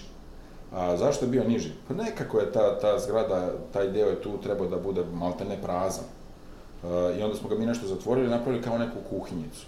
I tu smo mi, onako, bile neki kao, znači, tri neka dvoseda, neki sto, da može nešto se klopa i tako dalje. I onda ovaj, uvek neko zvekne glavu. Znači, to je, pošto je bilo malo niže, uvek neko zvekne glavu. I onda se naravno smejemo svi. Eto, tako da... Koliko dugo onda ostajete u Višegradskoj e, i... I 2008. su se preselili u Višegradsku. Ok. I, I I ostajemo do 2012. 12. Na, pa tu negde uvek smo na, na pet godina se mrdamo. Evo sad nam se Mhm. bliži ponovo pet. jel? Da, i evo već je tesno. Da, a- Već postaje i u ovoj novoj Da, zgradi. interesantno, kad praviš zgradu, sve ti je veliko i skupo. Da, da. A kad se useliš, sve je malo i fali. Osim WC-a. Njih ne Pa, fali. može i bolje. Mislim da već cena. E, znači, Višegradska je bila pet godina. E, za to vreme, I tu smo narasli ko- na nekih... koliko radnika... Po jedno, boga mi, jedno 40 Mhm. Mi kad smo se uselili ovde, nas jedno 40 se uselilo, maltene smo se ovaj, pozdravljali na hodniku, pošto, su, pošto smo... Ne viđate pošto se smo, često. e, Da, pošto, pošto smo iz 300 kvadrata ušli u 3000. Da, da, I da. onda onako, baš smo bili raštrkani. Prosto se obradujemo kad se vidimo na hodniku, ovaj? Ovaj, pa smo se čudili tipa, ne znam šta je ovo, nešto me noge bole. Znači, zato što o, ja sam sad izračunao negde oko 3,5 km ja prepešačim unutar ove firme u toku dana. Da, Jer recimo samo da odeš da uzmeš kafu tamo i vamo ti je negde oko 300 metara. Sad ako si popio tri kafe danas, to je kilometar. da. Znači, pa onda ako si otišao još u hardware da nešto pogledaš, pa otišao si e, do kontejnera, do parkinga, ovoga, onoga, ja sam negde oko 3,5 km. Koliko firma sad ima radnika? Mislim 97. 97. Ali puno, puno, ovaj, mislim puno, ne primamo baš u smislu e, puno, ali otprilike jedan, jedan mesečno nam se poveća broj. Mhm. Tak, tako neki rast imamo. Mhm. Jer neko i ode, pa onda e, dok vi nađete, ovaj, i na kraju krajeva, malo smo mi, mi smo malo teški u smislu, kod nas su baš onako ljudi, na- na- volim da kažem top ljudi. To bih htio da ispričaš, zanimljiv mi je sam proces kako ovaj, zapošljavate uopšte ovdje u firmi. Dobro, e, vidi, nije, nije taj proces ni nešto, da kažemo, loš. On je sad malo i čak i relaksiran kakav je bio ranije. Ok. Ranije je bio vrlo striktan. Znači, primi se čovjek, super, on sedi mjesec dana sa ljudima sa kojima radi. Ja me, e, tog dana ulazim u kancelariju, pitam jedno e, triki pitanje. Ne pitam da li je on dobar, da li je divan čovjek, da li je zabavan, da li je super kolega, da li je prijatan, i ost- nego pitam, jel vam on povećava platu? I ako oni kažu, e, on naravno on izađe. Ovaj, I ako oni kažu da, povećava nam platu, on ostaje na poslu, ako kažu ne, to mu je zadnji dan. Da. Znači, e, tako da ti ljudi sa kojima radiš su odlučivali da ćeš ti da radiš. Da, znači ja. nije tvoja... A pa kako ja kad ne radim s tom, kako Jasno. ću da znam? Sad je već to malo relaksiranije u smislu, sad već imaš šefa koji prati tog zaposlenog i tako dalje, tako da ne moram ja da postavljam to pitanje, to sad već šef radi Jasno. unutar, e, ovaj, pa onda imamo i praksu, recimo, E, e, imamo odličnu praksu, znači kod nas, vi, mislim, vi ste sad u firmi koja pravi jedan hardverski proizvod dnevno, znate, nije to, to je ozbiljna logistika iza toga, Mhm. to je jedan proizvod dnevno, znači svaki dan imaš proizvod, sad smo duše malo ispustili možda na tri nedelje, ali ovaj, to je ozbiljna logistika i, i ovde kod nas što može čovjek da nauči, to Da. E, Ja, ja se uvek, uvek kažem, postoje firme bolje od mikroelektronike, naravno i gore. Ne postoji firma koja je bolja za početnika od nas. Znači, ko, ko e, prve dve godine, recimo, ra, rada provesti u ovoj firmi je blagoslov. Znači, toliko se brzo sve događa da ti za te dve godine naučiš kao u normalnoj firmi za pet. I ti si odmah onda star, u startu posle ovaj, super, super inženjer. To ja kažem ljudima, treba da dođeš u poziciju da pregovaraš o plati, a ne da ti platu daju. Znači, jer ti kad, si, kad ti prvo radno mesto, nema tu pregovora. to je to, dobiješ početnu platu i ideš dalje. Jasno. Ovaj, I kažem, recimo, interesantno, mi do, e, imamo jako puno Francuza koji dolaze kod nas na, na praksu. Dobro. Da, evo sad ih je dole četvorica, još 16 ih dolazi i tako dalje. E, Nekako su ti francuski fakulteti nas prvi otkrili, bit će tu Mhm. i drugih nacija, naravno, ali su nas oni prvi otkrili. Evo već treća godina čini mi se kako dolaze. I ovaj, e, vrlo su zadovoljni, pa zašto i ne bi bili kad kod nas naučiš konkretno. Znači, kod nas ti stvarno napraviš proizvod. Taj proizvod se prodaje. Jasno. Znači, nema tu, Da, da, da. nije ono tipa neka, neka teorija, nego ono Da, u da. pravom smislu te reči. Da.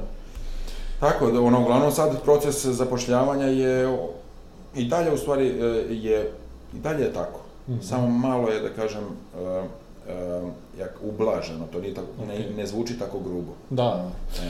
Zanima me, e, obzirom da, da, eto, krenuli ste iz te balkanske gdje vas je bilo 1, 2, 5 do nekog broja, do sad firme koja ima skoro 100 zaposlenih. Tvoj proces razvoja i kao e, onog koji mora da donosi na kraju dana sve neke odluke, zanima me taj proces prvo od trenutka kad ti shvataš da ti više jednostavno neke stvari ne možeš sam da radiš, da moraš da delegiraš, da, da, znači sve to što nosi razvoj firme, kako, kako si ti se sa tim borio, da tako kažem, pošto to nije baš prirodno, nego mislim da je i to nešto što učiš sa pecanjem. Evo ovako, znači, e, do kog sam ja zaključka došao? Razmišljao sam, ok, znači, sve što znamo sad o, o filozofiji, sociologiji, sve vuče korene iz stare Grčke. Super, znači Grci su imali računare, imali su ona sve tele, da kažemo, dobra pomagala da se, da, da ovaj, dođu do nekih zaključaka. Pa nisu. Tačno je da su imali ovaj, vremena da razmišljaju i oni su sedeli ljudi i razmišljali. Onda sam ja zaključio isto, mislim, onako malo neskromno, ajde ja da razmišljam o nečemu i da vidim Mhm. kakav je moj output.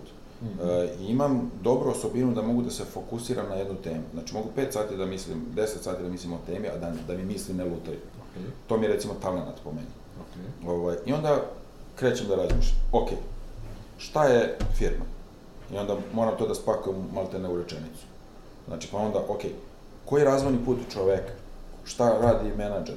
Ko, uh, uh, gde ljudi greše u ovom, gde je ovom, da, znači, moram sebi da, da objasnim. Ja kad sebi objasnim, onda je meni lako ovaj, drugima da objasnim. Ja sam sebi najveći problem. Znači, mm -hmm. Kad sebe rešim, ostalo mi, ostali pos, poslovi su mi lakši. Mm -hmm. Tako da, došao sam do svih tih zaključka, bukvalno sedeći na pecanju i razmišljajući. Mm -hmm. uh, inače, ovaj, jednom sam dao neki intervju, mislim da za biznis i financije bio časopis, i pitali su me kad ja mislim da će u Srbiji da bude bolje. Ono kao, ja sam njima rekao jednu metaforu, pa kad ovaj, noću u decembru na Kolubari bude bilo više pecaroša. Jer zašto? Zato što, ako ste primetili, zašto je broj pecaroša zimi manji nego leti? Jer ti nisi pecaroš leti. Ovo je zimi. Pa jesi, a ti hladno. Nezgodno je, da, nije to, ugodno. Pa da, onda jesi li ti pecaroš? Da, da. To, Poenta što je, inače, pecaroškim rečnikom zimi radi riba bolje. Ono, ja zimi se napecam baš puno, ono. I recimo, sećam se, ovaj, e, pošto je bila proizvodnja u, u Lajkovcu, ja obiđem njih i tako dalje, uzmem moje štapove i na Kolubari pecam do 1-2. Onda dođem u Beograd, e, e, zaspim, spavam 4 sata, na poslu sam i idem dalje. Ali nikoga nema noću na Kolubari u decembru na minus 20, da. niko ne peca se mene. Malo njih je spremno da izađu iz neke zone komfora. Tako je. Tako e pa ta, to sam i hteo da kažem toj koleginici što, što je radila intervju, koleginici novinarki, uh, kad malo budemo više izlazili iz zona komfora, tad će mm -hmm. i državi biti bolje. Da. I nama svima. Jasno. Jer, uh, kako da kažem, kad, uh, interesantno je razmišljanje, kad odeš recimo na operaciju kod doktora, ti očekuješ da on profesionalno odradi svoj posao, da bude apsolutno skoncentrisan na tvoj slučaj da, da ne napravi ni jednu grešku i ostalo. A onda kad ti radiš svoj posao, e, uradit ćemo ovako, uradit ćemo onako. Znači, od drugih ljudi tražiš da ti urade super, a ti sam nećeš. Da. E, I to je to. I ovaj, e, onako, recimo, e, kad sediš e, na obali reke i kad je noć, stvarno nemaš baš puno šta da radiš. Mislim, i te ribe ne udaraju baš svaki minut, onako, da. nije baš to da sad ovako radiš, znači ti zabaciš pa čekaš, to znam, može biti i sat vremena. I ovaj, I onako kad si sam i krećeš da razmišljaš o, o temama, o stvarima i tako dalje, e, dođeš do zaključaka. Znači, te zaključke svoje možeš uvek na sledećem pecanju da preispituješ i, i tako dalje. Mm -hmm. tak, ja sam sve te stvari tako otkrio. Mm -hmm. Znači, i to mi pomaže i, i danas da vodim firmu. Da. Znači, i danas je to, ovaj, samo što eto, e, e, sa novcem e, malo dođe i mogućnost da odeš da pecaš ovaj, na neke, neke destinacije koje su ti ranije bile san. Mm -hmm. Evo sad sam bio recimo na Kubi pre jedno, dva, tri meseca, ovo okay. baš slika odatle. Ovo je barakuda od metar i po recimo. Znači to da uhvatiš, ako ste gledali onaj River Monster, onaj tamo je uhvatio barakuda od metar. Da. Znači ova moja ovoliko već. ovaj, tako dalje. Sam, imao sam priliku recimo da pecam na napuštenim jezerima na Kanadi, u Kanadi gore na vrhu. Na, ono, tamo nema nikog. Ono, da. Hidroavion te spusti i kaže, vidimo se za 9 da. dana. I to je to. Ako neko umre, držite ga na hladno. I to je to. Nema. da, da. Završio si sve. Da, da. Ali recimo je, e, ti recimo pecaš i sagneš se preko čamca i piješ vodu kad si žeda. To nema. Mm -hmm. Onako, nema nikakvih e, problema. A recimo na Kubi sam pecao na onim koralnim arhipelazima gde je gde, gde ti ne možeš da veruješ ovaj, koliko je to lepo. I recimo to mi je firma omogućila, onako ja kao, kao pojedinac ne znam da li bi baš mogao da idem mm -hmm. na ta mesta. Možda bih i mogao, ali uvek volim da kažem da je onako, jer moraš malo da imaš i vremena, nije sad samo novac. Da, naravno. Znači moraš, a da bi imao vremena moraš da imaš organizaciju unutar firme gde si, da, kad se si, ti izmakneš da to sve funkcioniše. Pa nikad se čovjek ne izmakne, to Dobro. iskreno ja sam mislio da se to malo izmakneš. Uh, moram priznati, na neki način, što je više ljudi, više se i radi. Mm -hmm. uh, ali se ne radi sad baš da ti odeš pa recimo klanjuješ ovaj časopis ili nešto. Jako puno ne, pričaš. Znači ja počinjem da pričam u 8 ujutru mm -hmm. i otprilike završavam u 8 uveče. Mm -hmm. I uh, za, ako ste primetili, ova flaša stoji na mom stolu vode. Dehidrira čovjek pričanjem. I ne znam šta me, boli me glava uveče, a ne znam šta je. Da, da. Ovaj, I onda imaš jako puno razgovora sa ljudima, svi su ljudi e, posebni. svako ima svoj problem, svakom treba da kažemo nešto što je samo njemu e, bitno, a opet sve nas treba upakovati da, da hodamo ka istom cilju. Jasno. E, nije ni čudo što je taj menadžerski posao težak. Da. Iskreno, ja kad sam bio mlađi, e, to sad, sad što kaže, ovaj, ima Boga, mislio sam da ti menadžeri ne rade ništa. Da. I da samo pričaju i da poručkuju. Evo mene, ja sad pričam, Mhm. i idem po tim ručkovima, ali se sećam sa setom nekog vremena da sam mogao da nešto radim, a da nije, a da nije pričanje i ručak. Da.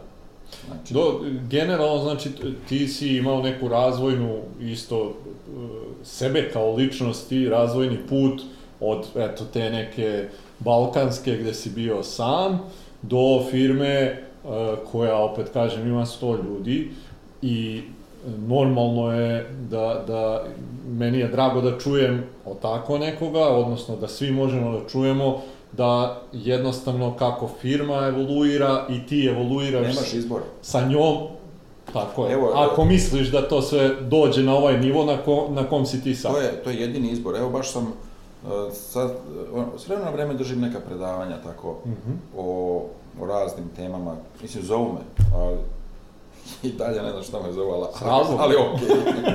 ali S okej, razlogom. Da. I sad sam baš pričao uh, na nekom predavanju, tamo ne znam gde je bilo, i ovo što, što, što ti kažeš, evoluiraš. Gle, evo ovako, znači, pitao sam se šta je, najveći, šta je najveća vrednost u životu i šta je najveći problem u životu. Interesantno, ista reč. Znači, najveća vrednost u životu je najveći problem u životu. Tako, došao sam do tog zaključka. I kako? Evo ovako, recimo, ti krećeš firmu sa dva, tri čoveka, E, vi ste toliko blizu, vi se razumete pogledom, tu nema čak ni da pričaš ništa. Mhm. Isto je i veza, ti devojka se razumete super, ti brak, ti žena se razumete super. Pa kako onda dođe do razvoda braka? Zašto te devojka ostavi? Zašto firma pukne? Mhm. Kad je sve savršeno, tako? Sledeća scena je, znači, neko iz, iz te firme je odlučio da će da umesto subotu da odmara ili da ode kući u sedam, da radi dva sata duže, da radi vikend i tako dalje. I on kreće polako da napreduje. Ostali napreduju, ali sporije. Yes. Znači, taj momak ili ta devojka se, e, pored te veze u životu ima još neki posao, mora da stigne ovo, ima neku obavezu i tako dalje. U braku isto, znači, um, jedan supružnik uh, vuče, gura i tako dalje, a drugi su, supružnik se malo šlepa. Ovaj, i tak, onda idemo u sledeću scenu. Taj što je radio malo više, on je se nakupilo se za godinu, dve, se tih njegovih malo više nakupilo poprilično. I on počinje da ne razume zašto ovi ne prate. Mhm. Zašto, zašto ti ljudi ne vide da se sa više rada može zaraditi više ili uraditi više.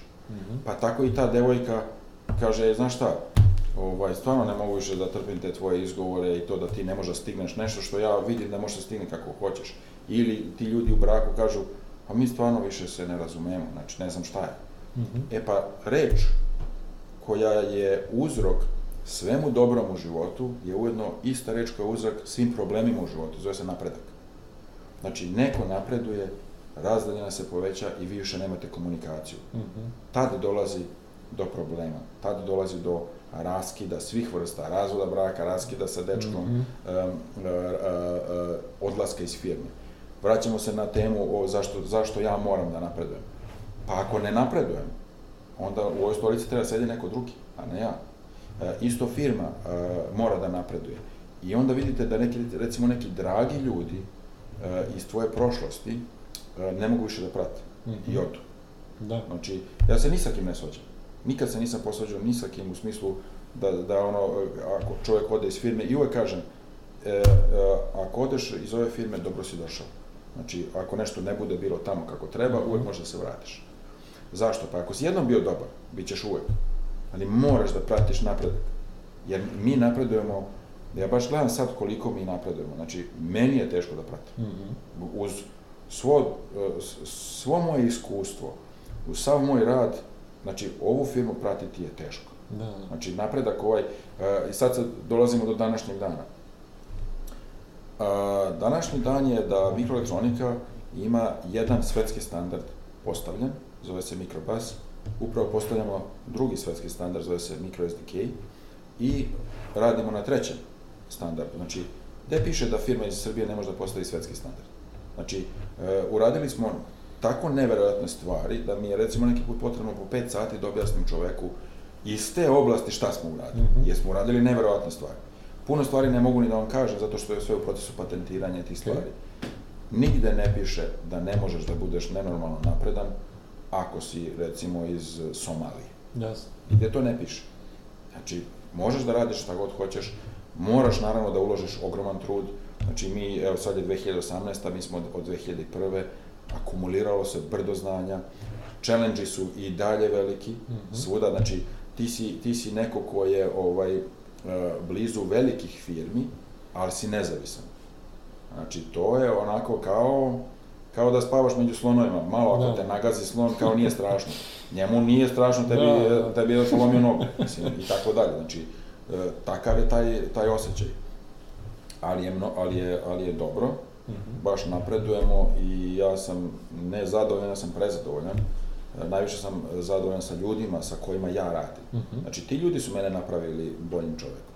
Da. Znači, svi ti, od početka ti ljudi, ovaj, znači, ja, ja ne znam onako koliko bi mogao da nahvalim sad Ivana, Srđana, Mareta, znači, ono, ima tu brdo, brdo drugih ljudi, pa i ovaj novi, novi ešalon ovih e, mladih e, e, kolega, Darko, Mileta, otko znam sad, Vidojević ili, ili, ili, ili kako se zove, Markić, znači to su nakon neki no, stasava, stasava nova generacija dobrih menadžera. Mm -hmm. Jer kad radite u jednoj firmi, to šta radite je jedna stvar. Ko su ti mentori je ključna stvar. Da, da. Jer ti kako ćeš da budeš bolji? Meni ja nisam imao mentora i to mi uvek falilo u životu. A znaš koliko mi je falilo? Sad tek vidim koliko mi je falilo. Just. Nisam ni znao. Da. da mi neko pre 10 godina rekao, onako samo da mi rekao ono, e mali, nije loš. Wow, ne znaš ništa. Da, da. Ti, ti, ti si u mraku, sve moje odluke su e, donete malte ne u mraku, što je mm -hmm. čak i, ono, i bukvalno je tako, pošto sam donosio na pecanju u mraku. ovaj, ali u mraku ti ne znaš šta će da, da bude outcome od, od, od tih, tih odluka. Sada ja znam da, ja, da sam ja dobar menadžer i da donosim dobre odluke. Mm -hmm. Ali bi volao da mi neko tad, da, e, kad, da sam imao mentora, ovaj, e, e, to bih, e, kako da kažem, to bi mi onako značilo. Mm -hmm. Zato ja i trudim se da budem njima mentor. Jasno. Sećam se, recimo, sreo sam nekog čoveka, tad pomagao sam ocu, neku smo metal, metalnu lamperiju radili na, njeg, na njegovoj kući u selu, i on neki, onako, naš čovek ima neke firme po Francuskoj i tako dalje, i onako u nekom razgovoru sa njim, on je meni rekao jednu lepu rečenicu koju sam danas danje upamtio. Kaže, Nebojša, svi ljudi imaju problem, samo je broj nula različit. Kaže, evo vidiš, tvom tati je problem 100 evra, kod tebe je problem 1000 evra, a evo vidiš, meni sad fali 160.000 evra da zatvorim neku konstrukciju. I ja sad njega gledam onako i mislim se u sebi, ovaj, pokojni on sad, e, nemoj, molim te, da, ono, fali ti 160.000 evra, ja nemam da jedem. Da, znaš, da. Mislim, nije to baš isto. Evo, sad sam ja u njegovoj poziciji da mi fali tipa 16 miliona ili, ili tako da, nešto, da. i stvarno je problem. Je. Ono, I sad kad bi ja to objašnjavao nekom e, kome fali 160 e, eura za nešto, on, on bi meni rekao, e, ne smara. Isto kao i ti pre I, isto, nekog vremena. Tako da recimo to je onako, baš onako značajna izjava. Svi ljudi imaju problem, mhm. broj nula različit. Mm -hmm. I to onako, to sam baš dobro upamtio. Da, da. Ovaj, I puno sam nekih poslovica i sebi napravio. Recimo, ovo za, za, ovaj, za napredak. Brzina usvajanja kritike je jednaka brzini napretka. To sam za sebe. Jer kad si mhm. direktor, ti postaneš malo i sujetan. Ono kao, da. uh, inače ovde znaju mene da izgrade onako ozbiljno. ozbiljno. Znači, koliko, koliko, i da se izviču lepo na mene, i to isto. Ovaj, ali uh, sve to naravno urok, onako, sve to posao, znači, da. te, jer ja sam isto zaposlen u ovoj firmi na ovom radnom mestu, znači, nisam sad baš samo, ovaj, mnogo je dobra pozicija vlasnika, ne valja biti direktor. Da. Vlasnik je ono, sediš u restoranu i kuliraš. Znači, da, da, da. Ta je dobra pozicija, direktor je, ljudi moji, nezgodno za Reci mi što se odluka tiče samih, kad moraš da ih donosiš i to, osetiš li se ti nekad malo tu onako uh, izdvojenim, usamljenim, jer ipak velika odgovornost i leži na tebi. Ti sad kad pogledaš od tvojih odluka, zavisi sudbina maltene sto porodica. Kako A, se nosiš sa tim pritiskom, recimo? Nikako. I dalje je teško. Niti imam koga, za krupne odluke nemaš koga da konsultuješ. Jasno. Znači, zato se to, preduzetnik je u stvari usamljeno zanimanje. Da, Znači ti si, koliko god imaš zaposlen, ti si sam. uvek. Znači to, sve to tako izgleda. Ti imaš naravno da se Jest. konsultuješ, ali ovaj, Meni je, izvini što te prekidam, meni je isto e, da, da, da mlađi možda i ovi neki stariji koji već imaju, ali da shvate da je to svima tako. I da bez obzira ti možeš da radiš sad u nekoj ogromnoj firmi, da si treći, četvrti čovek, drugi čovek, ti uvek imaš u nekoga da se okreneš i da pitaš šta ćemo sad da radimo. A ti kad si taj koji nema, sam si i Ja- apsolutno sve od tebe zavisi. ja volim me- metafore u životu. E, mnogo mi lako da kažem nešto metaforom. Mhm. Kad vidite one ptice što lete na jug, ona čelna ptica se smenjuje. A kad ste u firmi direktor, Ne. vi se nikad ne smenjujete. Da. Letite uvek, uvek ste prvi Uvek napred. i uvek vam je najteže da letite. Znači uvek je vi probijate taj, taj vazduh i znači Mhm. taj, vi, najviše snega gurate. Tako je. E, kod ptica one se bar smenjuju. Postane li to e, vremenom malo lakše ili bude još teže zbog toga što ti raste organizacija pa i odluke imaju veći... Odgovor je i da i ne. A sad, sad e, vrlo interesantno gde je da. Postane da e, malo lakše zato što starite. Jer ja energijom kojom sam se nervirao u 30. sad kad bi se iznervirao, garantovano moždani udar. Znači Mhm. garantovano, znači ne, ne može, e, to organizam ne može da izdrži. Da. Znači kad imate, e, e, evo ja sad imam 48, e, i kad pogledam koliko sam se nervirao u 30. Kad bi to primenio sad, ne može, ne, ne bi dočekao popodne, 100%. Mhm. Ovaj, tako da postane lakše jer starite, organizam vam stari i samim tim vam, kako da kažem, omogućava da dobijete količinu nerviranja koju možete da podnesete. A ne postaje lakše zato što količina nerviranja se ne smanjuje. Znači to je, i onda ako ste još uh, uh, baksus čovjek, pa kao ja, da ste perfekcionista, da vidite svaku sitnicu, da vidite svuda sve, ja sam, sve slovne greške sam našao ja ovdje. ovaj, uh, da ste, da kažemo, inače to je stvarno baksus, uh, onako, da ste, ako ste takav, onda vam ne gine puno nerviranja. Ja sam, evo, skoro sam malo smanjio nerviranje. Da, Pre Mislim da si godina. bio prinuđen na neki način da nau, naučiš sebe da, da re, svoje reakcije Pa ne bih rekao- koriguješ Ne i bih rekao da... da sam ja sebe išta naučio, više bih rekao da, da je moje telo uh, uh, kako Mhm. jednostavno reklo, e, ajde ono malo Da. odmori. Da, da, da. Na više, više ta, tako nekako to, dobio sam takvu poruku. Jer kreće da ti preskače srce, da ti trne leva Jasno. ruka i tako dalje. I onda ti shvatiš da ono, tipa, ono, odluči se, hoćeš li Mhm. uh, da traješ još dve godine ili hoćeš malo duže. Da, da. To je to. Rekao si da nisi imao mentora i sad kad bi postojala mogućnost da, da budeš mentor Nebojši iz 90, recimo 7. 8. Šta je to što bi mu dao kao savjet? Mhm, razmišljao sam o tome i volio bi da to bude poslednja rečenica uh, kad budete pravili ovaj, Ok, uh, uh, ovu emisiju o, o meni. Volio bi da mi je neko rekao da će biti mnogo teže nego što sam mislio Mhm. i da će biti mnogo lepše nego što sam mislio. E to bi volio da mi kaže. Mislim da onda ovde možemo i da završimo, mislim da je izvanredna rečenica za završiti. E, hvala ti puno na, na vremenu odvojenom za, za nas, na gostoprinstvu i nadam se da ćemo u nekom vremenu, ako ovo sve bude išlo onako kako mi planiramo, pa kad ti budeš napravio novu zgradu, doći ponovo sa nekim novim temama o kojima možemo da razgovaramo, Dobro, mi smo tek na početku. kao što si rekao. Hvala još jednom svima, prijatno. Prijatno.